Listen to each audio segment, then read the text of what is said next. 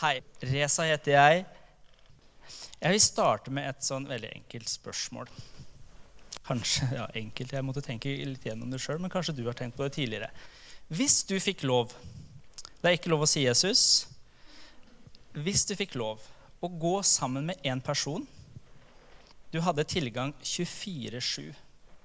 Du fikk tre år sammen med en person. Du kunne velge hvem som helst som lever på jorda nå. Det kunne valgt hvem som helst. Det kunne være innenfor tech, det kan være innenfor filosofi, det kan være innenfor eh, hva som helst, egentlig. Så kunne du valgt én person. Du fikk 24-7 tilgang. Og du fikk bare stille spørsmål, du fikk være med på alle reisene. Det var liksom ingen begrensninger. Hvem ville du fulgt? Hvem ville du skulle være din på en måte mentor, eller den du fikk bare bruke masse, masse, masse, masse tid med? Noen, kan vi bare høre et par forslag? Jesus, ja. Jesus var ikke lov, så er det noen andre. Sånn umiddelbart. Er det noen som har lyst kaste ut noe? Joyce Meyer? Eller Tim Keller? Ja. Bra. Ja. Elon Musk? En trønder? Ja. Ja, hvem ville du valgt? Bergenser. Er det noen flere? Ja? James Jordan. Todd White. Det her er jo eh, De fleste eh, kunne i hvert fall jeg navnet på. Eh, og det gjør sikkert flere her òg. Det er jo liksom folk som man ser opp til på et eller annet vis. Da, og tenker at her er det noe vi kan lære. Eh, og jeg tenker Det er liksom fascinerende, for med en gang du begynner å henge rundt en person over litt tid, så begynner ting å smitte. deg. Du begynner å bli forma og bli mer lik den personen. Spesielt hvis en person har mer innflytelse på deg enn det du har på den personen. så begynner du å bli forma. Og det er jo det som var hele greia med det Jesus. At folk begynte å følge etter ham, og så begynte han å prege dem. Så de begynte å gjøre de samme tingene som han. De begynte til og med å prate lik, lik han. De gjorde de samme tingene. Og det var liksom det Jesus kalte sine disipler på. Han la noen premisser. Skal du følge meg, så innebærer det det, det og det og det. Det her er det jeg ønsker. Sånn ser mitt rike ut. Det betyr at du må forlate disse tingene. Og så må du ta imot disse tingene. Du blir prega. Og vi ser, når vi leser gjennom Nytestamentet, så ser vi at disiplene begynte å gjøre de tingene Jesus gjorde mens han gikk her. De begynte å snakke sånn som Jesus, de begynte å oppføre seg som Jesus. Og så begynte de å gi det her videre til folk de møtte på. Uansett hvor de kom, så var det det som prega de.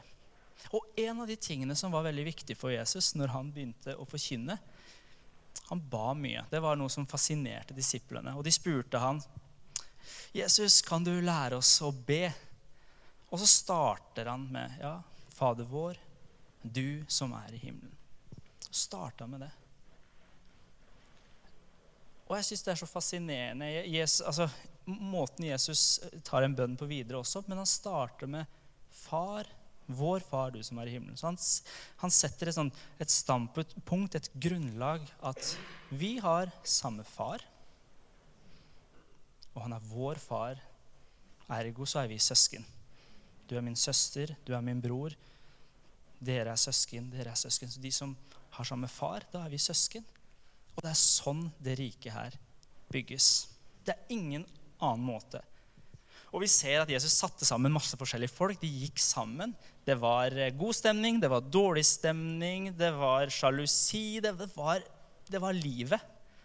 Og så tenker jeg, Hvis du er i en familie, mor og far, og så har det tre-fire søsken inni der altså, Man har alltid bare tilhørt sammen, føles det som barna, kanskje.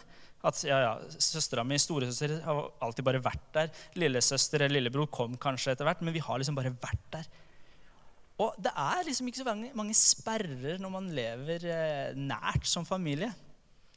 Eh, storebror er bare sånn. Man kan krangle, man kan diskutere. Man kjenner hverandre ganske godt fordi man våkner ca. til samme tider. Man eh, er de samme, i samme selskapene, man spiser frokost sammen, man spiser middag sammen. Det er fest, det er triste ting som skjer, det er gode ting som skjer. Det er aktiviteter, du starter, det er barnehage, skole. Det skjer så mye. Og det er liksom ikke sånn at man eh, holder veldig igjen. Man blir veldig godt kjent da, med sine nærmeste. Og, og det er noe fint med det, fordi etter hvert så veit du på en måte hva lillebror er elendig på. og du sier det gjerne. Det der skal ikke du ta. Det der klarer du ikke. altså. Jeg tar det. Eller OK, det tar ikke jeg, det tar du. Sånn er det, fordi at du har kontroll. Så man begynner å kjenne hverandre. altså Tør man å si fra? Man tør å sette ord på ting. Man tør å være sårbar. Man tør å vise begeistring. Eh, du er bare deg sjøl. Liksom, du tenker ikke over det. Og jeg tror Gud har kalt oss til å leve det familielivet i menighet. Det var ikke bare sånn ja, vi må ha noe fint. Hvordan skal vi gjøre det her? Skal vi ha, ja, vi bruker familie, da. Far, du som er i himmelen. Så lager vi en familie. Nei, Gud mente faktisk, når han satte oss sammen, og når vi fikk ta imot Jesus, så blei vi en familie. Da blei vi søsken, og vi er kalt til å leve sammen i fellesskap. Det er sånn Gud har tenkt det, og det er sånn Gud ser på det. Så når Jesus blir spurt, f.eks. Ja, de kommer og sier Oi, det er moren til Jesus som står utafor her. Og folk begynner å bare ære moren til Jesus. Og sier Jesus, 'Hvem er min bror? Hvem er min bror? Hvem er min søster?' Altså, hvem er min familie? Jo, det er de som gjør Guds ord. Sånn at omdefinerer ting litt. Og det betyr at vi er familie. Og Jeg skal gå inn på hvorfor, hvorfor disse tingene her er eh, så viktig. Fordi Når vi sier at Jesus er herre, så definerer han ting. Jesus, Vi er kalt til å følge han. Vi får lov å være hans. Så er vi eh, søsken.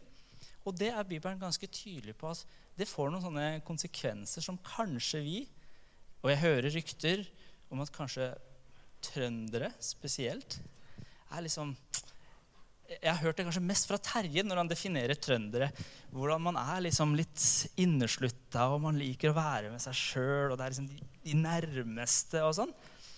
Og så, og så, kommer Jesus og bare Nei.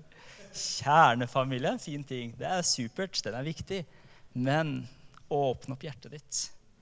Det er så mye mer. Slipp inn folk på deg. Tør å slippe disse folkene inn, fordi det er din bror, det er din søster.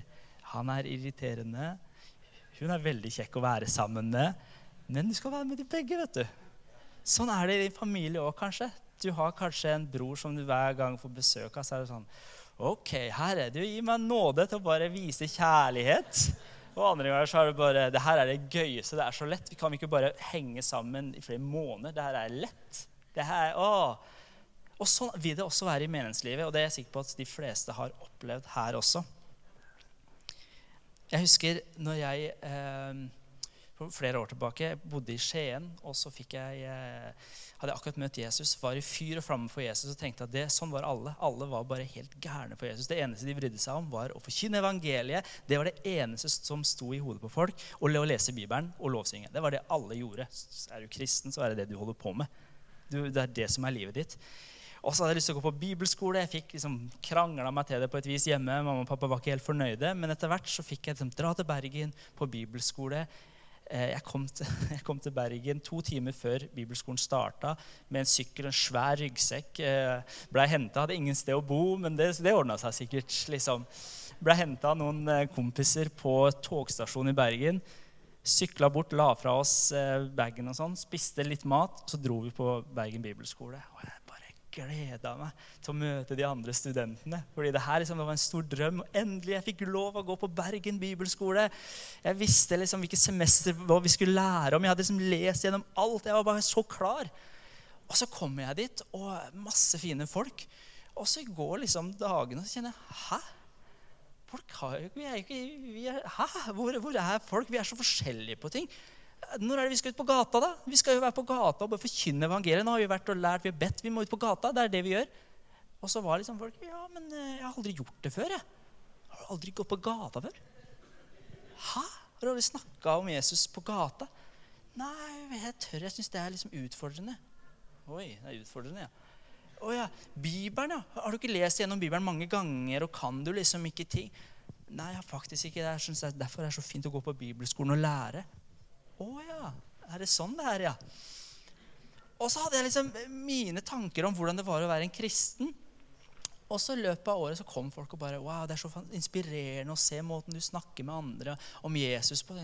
Inspirerende. Gjør ikke alle det? Ja, det er noen som ikke gjør det, men er ikke, er ikke det livet? Og så skjønte jeg liksom, etter hvert så gikk det opp for meg, nei, men det er ikke sånn at alle gjør de tingene som er veldig naturlige for meg. Og så begynte jeg å se at oi, det var ganske mange ting, gode ting som andre var veldig gode på, som jeg var helt elendig på. Som jeg absolutt burde liksom steppe opp gamet på. da. Så begynte man å skjønne at hei, det her er, liksom, her er søsknene mine. Og de begynte å tale inn i livet mitt. I den klassa, jeg husker ikke hvor mange vi var, 15-20 stykker, begynte folk å sette ord på ting. Og jeg sa det her det har vi lyst til å lære av deg. Og så fikk jeg gjøre det samme.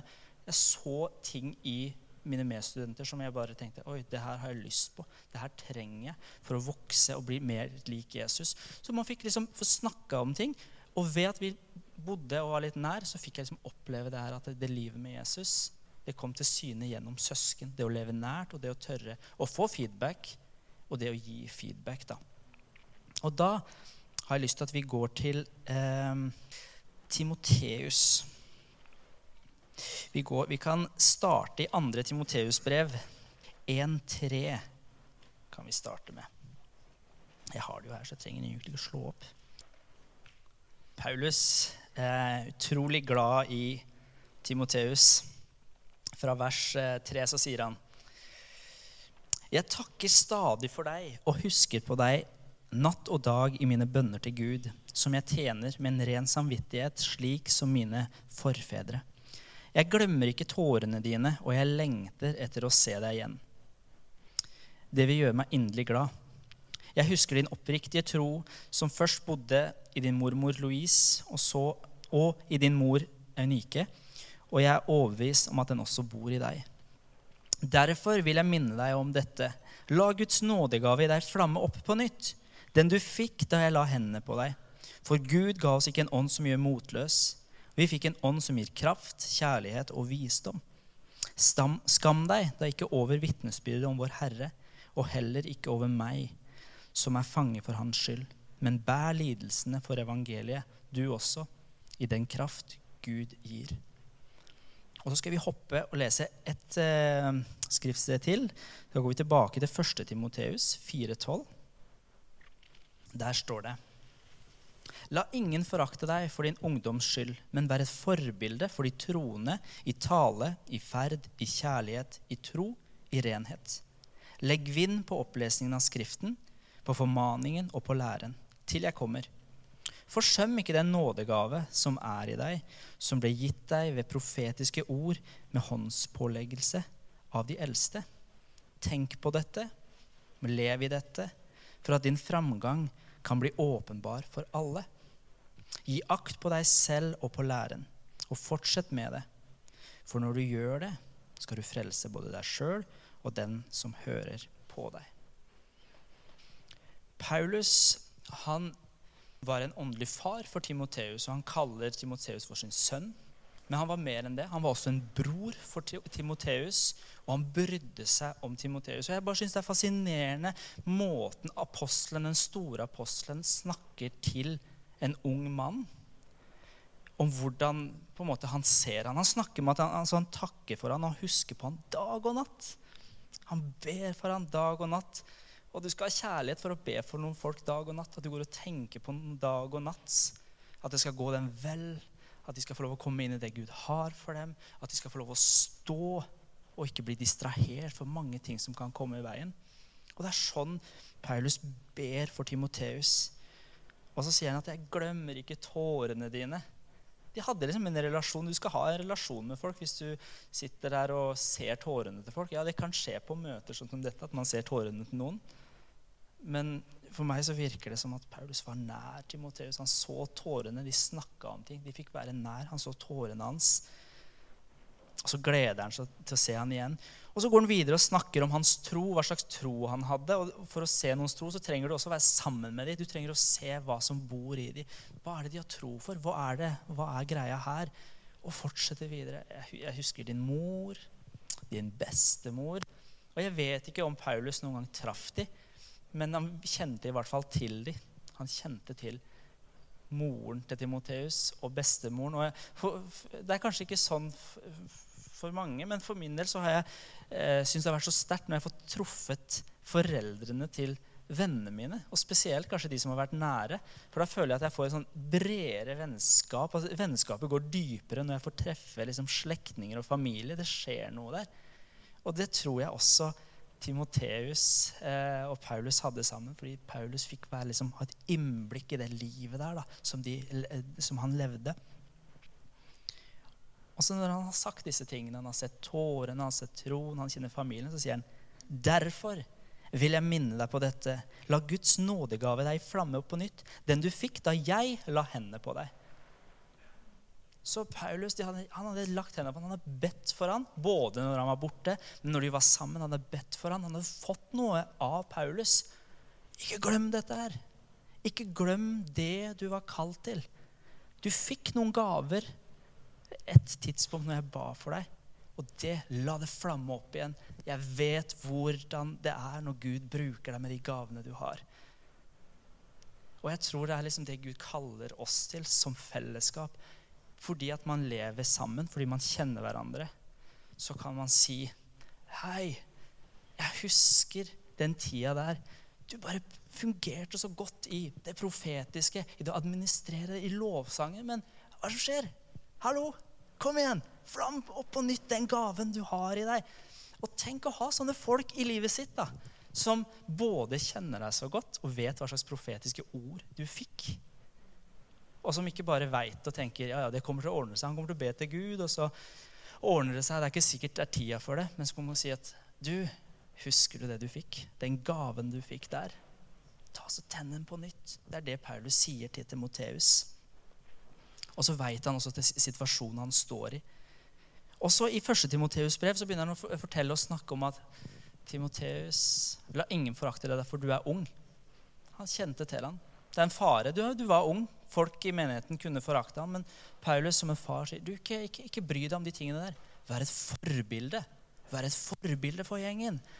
Det, ikke, det handler ikke om hvor gammel du er, men du kan være et forbilde for de gamle, for de små. Fordi det er folk sine øyne er på deg, Timoteus. Vær et forbilde for gjengen din. Og så går han videre, og så sier han hva han skal gjøre. Gir han noe oppdrag. Og så sier han igjen, forsøm ikke den nådegaven som er i deg, som ble gitt deg ved det profetiske ord ved håndspåleggelse av de eldste. Så I andre Timoteus brev så var det han som hadde lagt hendene på dem. Og han var kanskje med på den andre håndspåleggelsen også.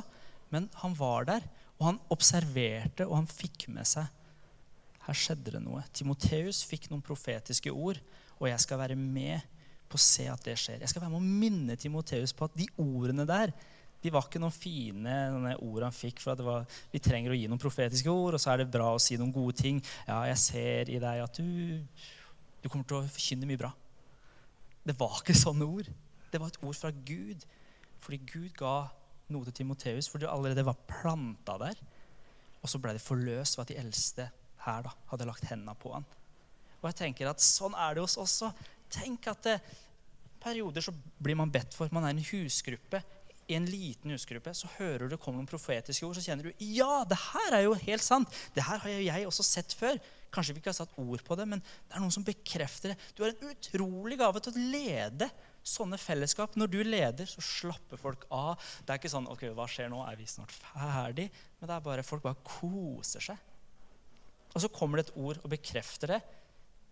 Vær med å løfte det opp. Når personen sier nei, jeg tror ikke jeg skal lede mer. Er du sikker på det? Husker du det ordet? Vær med å minne hverandre på de ordene som Gud har gitt oss.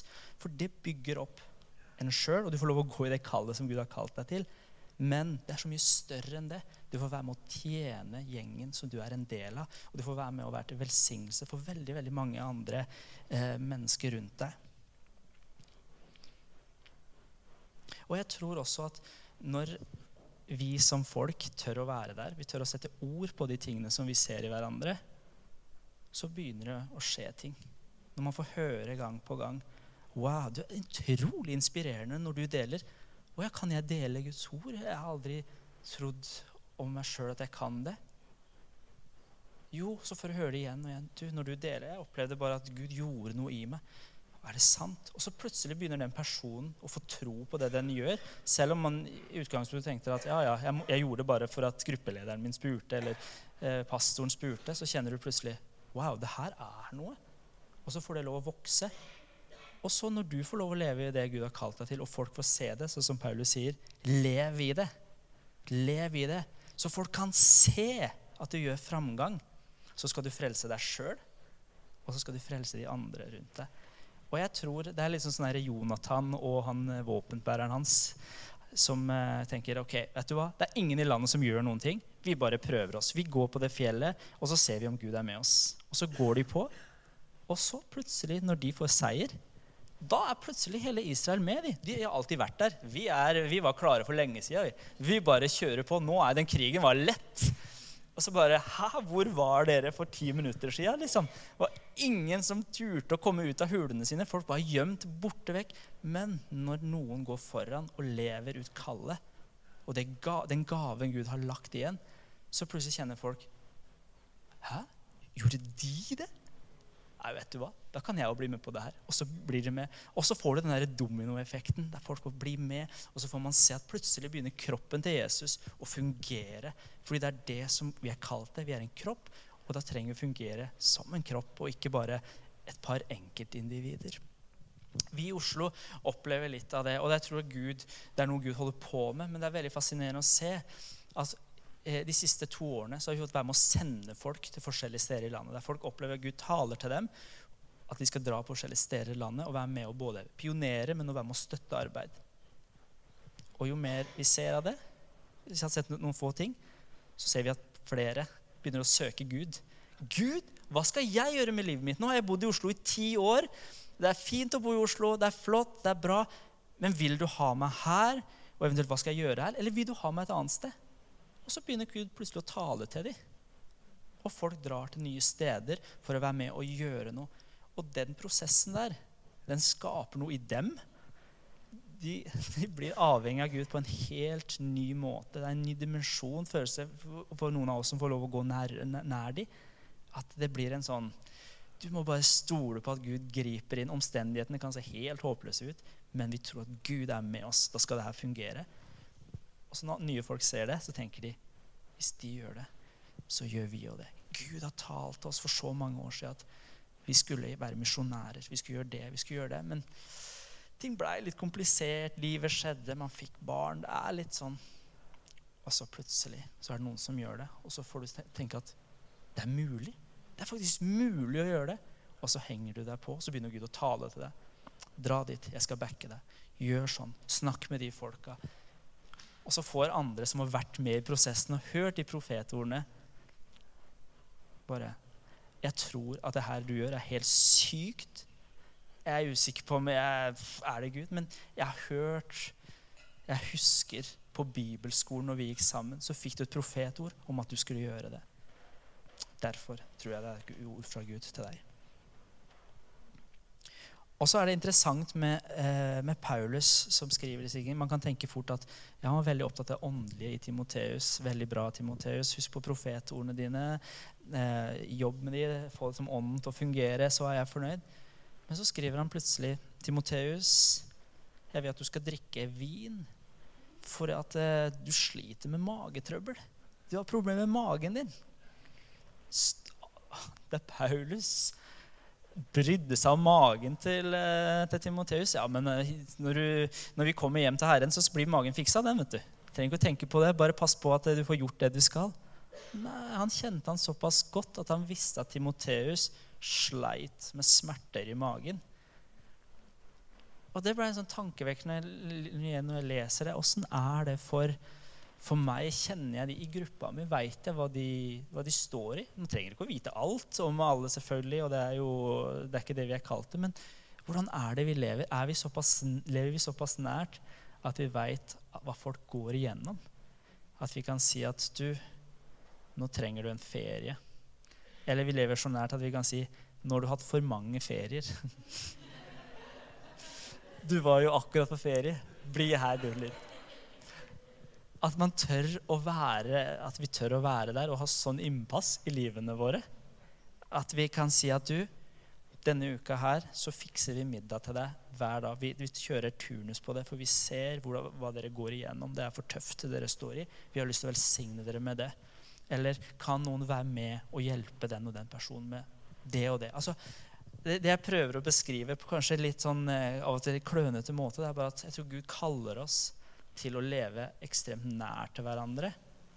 Og tørre å si at Jesus er Herre, vår far, ok, vi er søsken. Det betyr rett og slett Det er ikke alltid vi liker det. Det er ikke alltid lett til å åpne opp og slippe flere folk inn i livene våre. Og jeg tror at det Når vi tør å gjøre det, så blir det alltid mye bedre.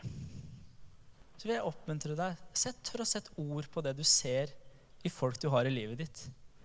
Selv om du tenker at han eller hun vet sikkert at det, den er så god på det. Ja, Håvard vet jo at han er god på det, at han måten han leder på, det er jo fantastisk. Og Det vet han trenger han ikke å si. Det, det, det er sikkert tusen andre som sier til han, nei, jeg er ikke sikker på om det er sånn, faktisk. Eller til andre i gjengen din, folk som står og synger i lovsangen eller spiller. Det er ikke sikkert de får høre så ofte ting. Tør å sette ord på det. Hvis du kjenner at det her var bra, sett ord på det. Og hvis du syns ting var rart, gå og snakk med dem. Hei, du, jeg bare lurer på, hva, hva, tenkte du når du gjorde det? For jeg, jeg opplevde det og det. Tørre å leve nært fordi vi ønsker å gjøre hverandre bedre. Og vi ønsker også å være Jesu kropp som berører hverandre. Fordi Gud han kan komme overnaturlig og tale til hver enkelt av oss. Og jeg tror absolutt han er vår kilde, og det er han som er hyrden, den store hyrden som vi kan gå til. Men jeg tror også at han har valgt å bruke kroppen sin til å komme inn og si at du, jeg ser det i deg. Jeg ser det i deg. Måten du gjør det på, det er suverent. Kan du fortsette med det? Kan du være så snill å bringe det inn? Fordi det skaper noe for gjengen vår.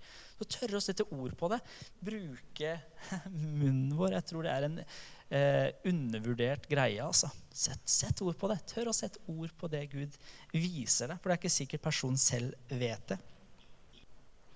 Og så, og så hørte jeg Vi bare prata litt med Anders i dag når vi jeg hadde spist frokost. Eh, en ting som jeg bare så løfte fram. og det, blir, det, er gøy å høre at det skjer ting, men jeg har lyst til å løfte det fram hvis du ikke har hørt om det før eller har tenkt ja, det, det er liksom for elitestyrken av de som går i menigheten her. Jeg, eh, jeg venter med det. Eh, det som si, Kjært barn har mange navn. Eh, men PDF, personlig disippelfellesskap, eller Life Transforming Groups, eller hva man kaller det. Men hele poenget er at man kan tørre å stå sammen med noen få. Leve veldig nært med én eller to til, der man kan få lov å leve helt åpent, ufiltrert, og kunne få lov å bare være seg sjøl, om det er å bekjenne synd, eller er å dele utfordringer eller gleder, som på en måte ikke er kanskje like lett i en sånn større setting som en gudstjeneste eller på en husgruppe.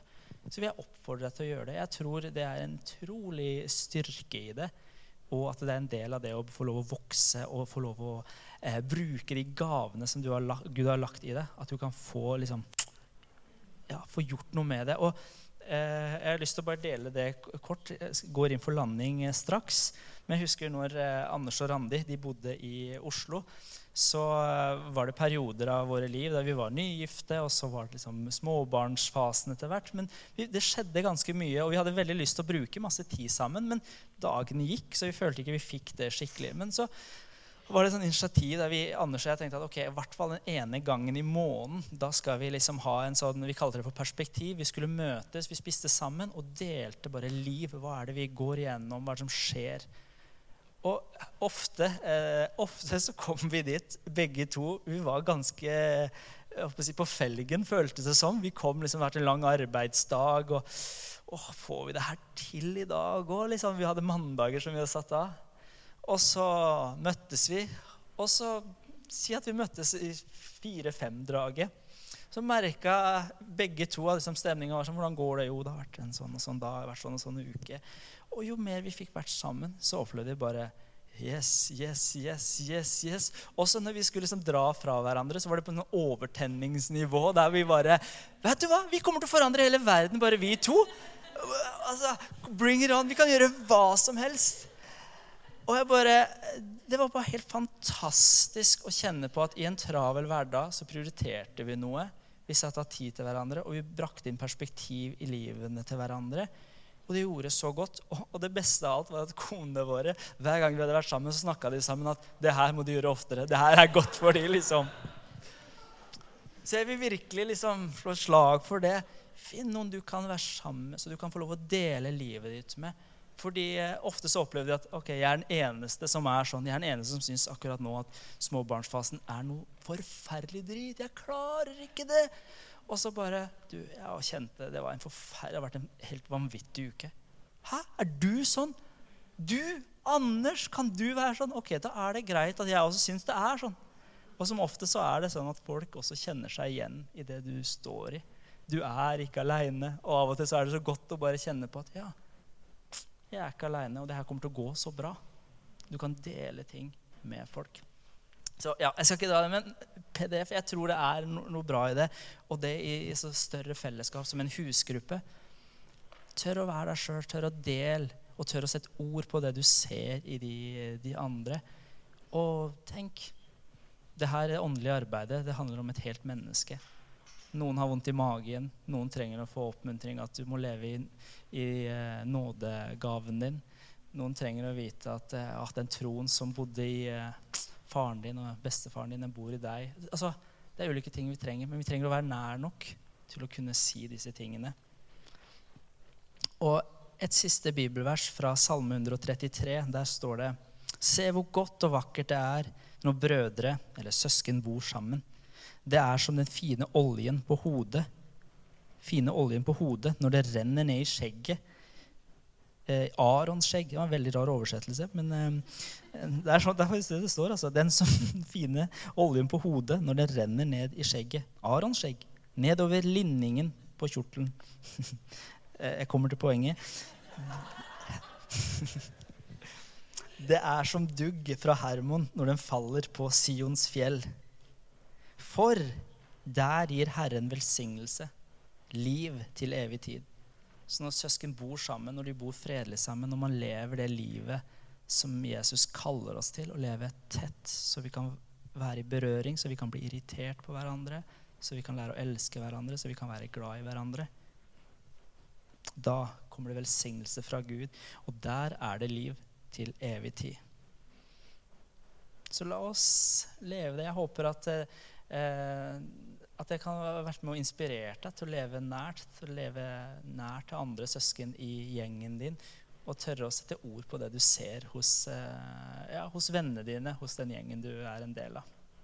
Amen.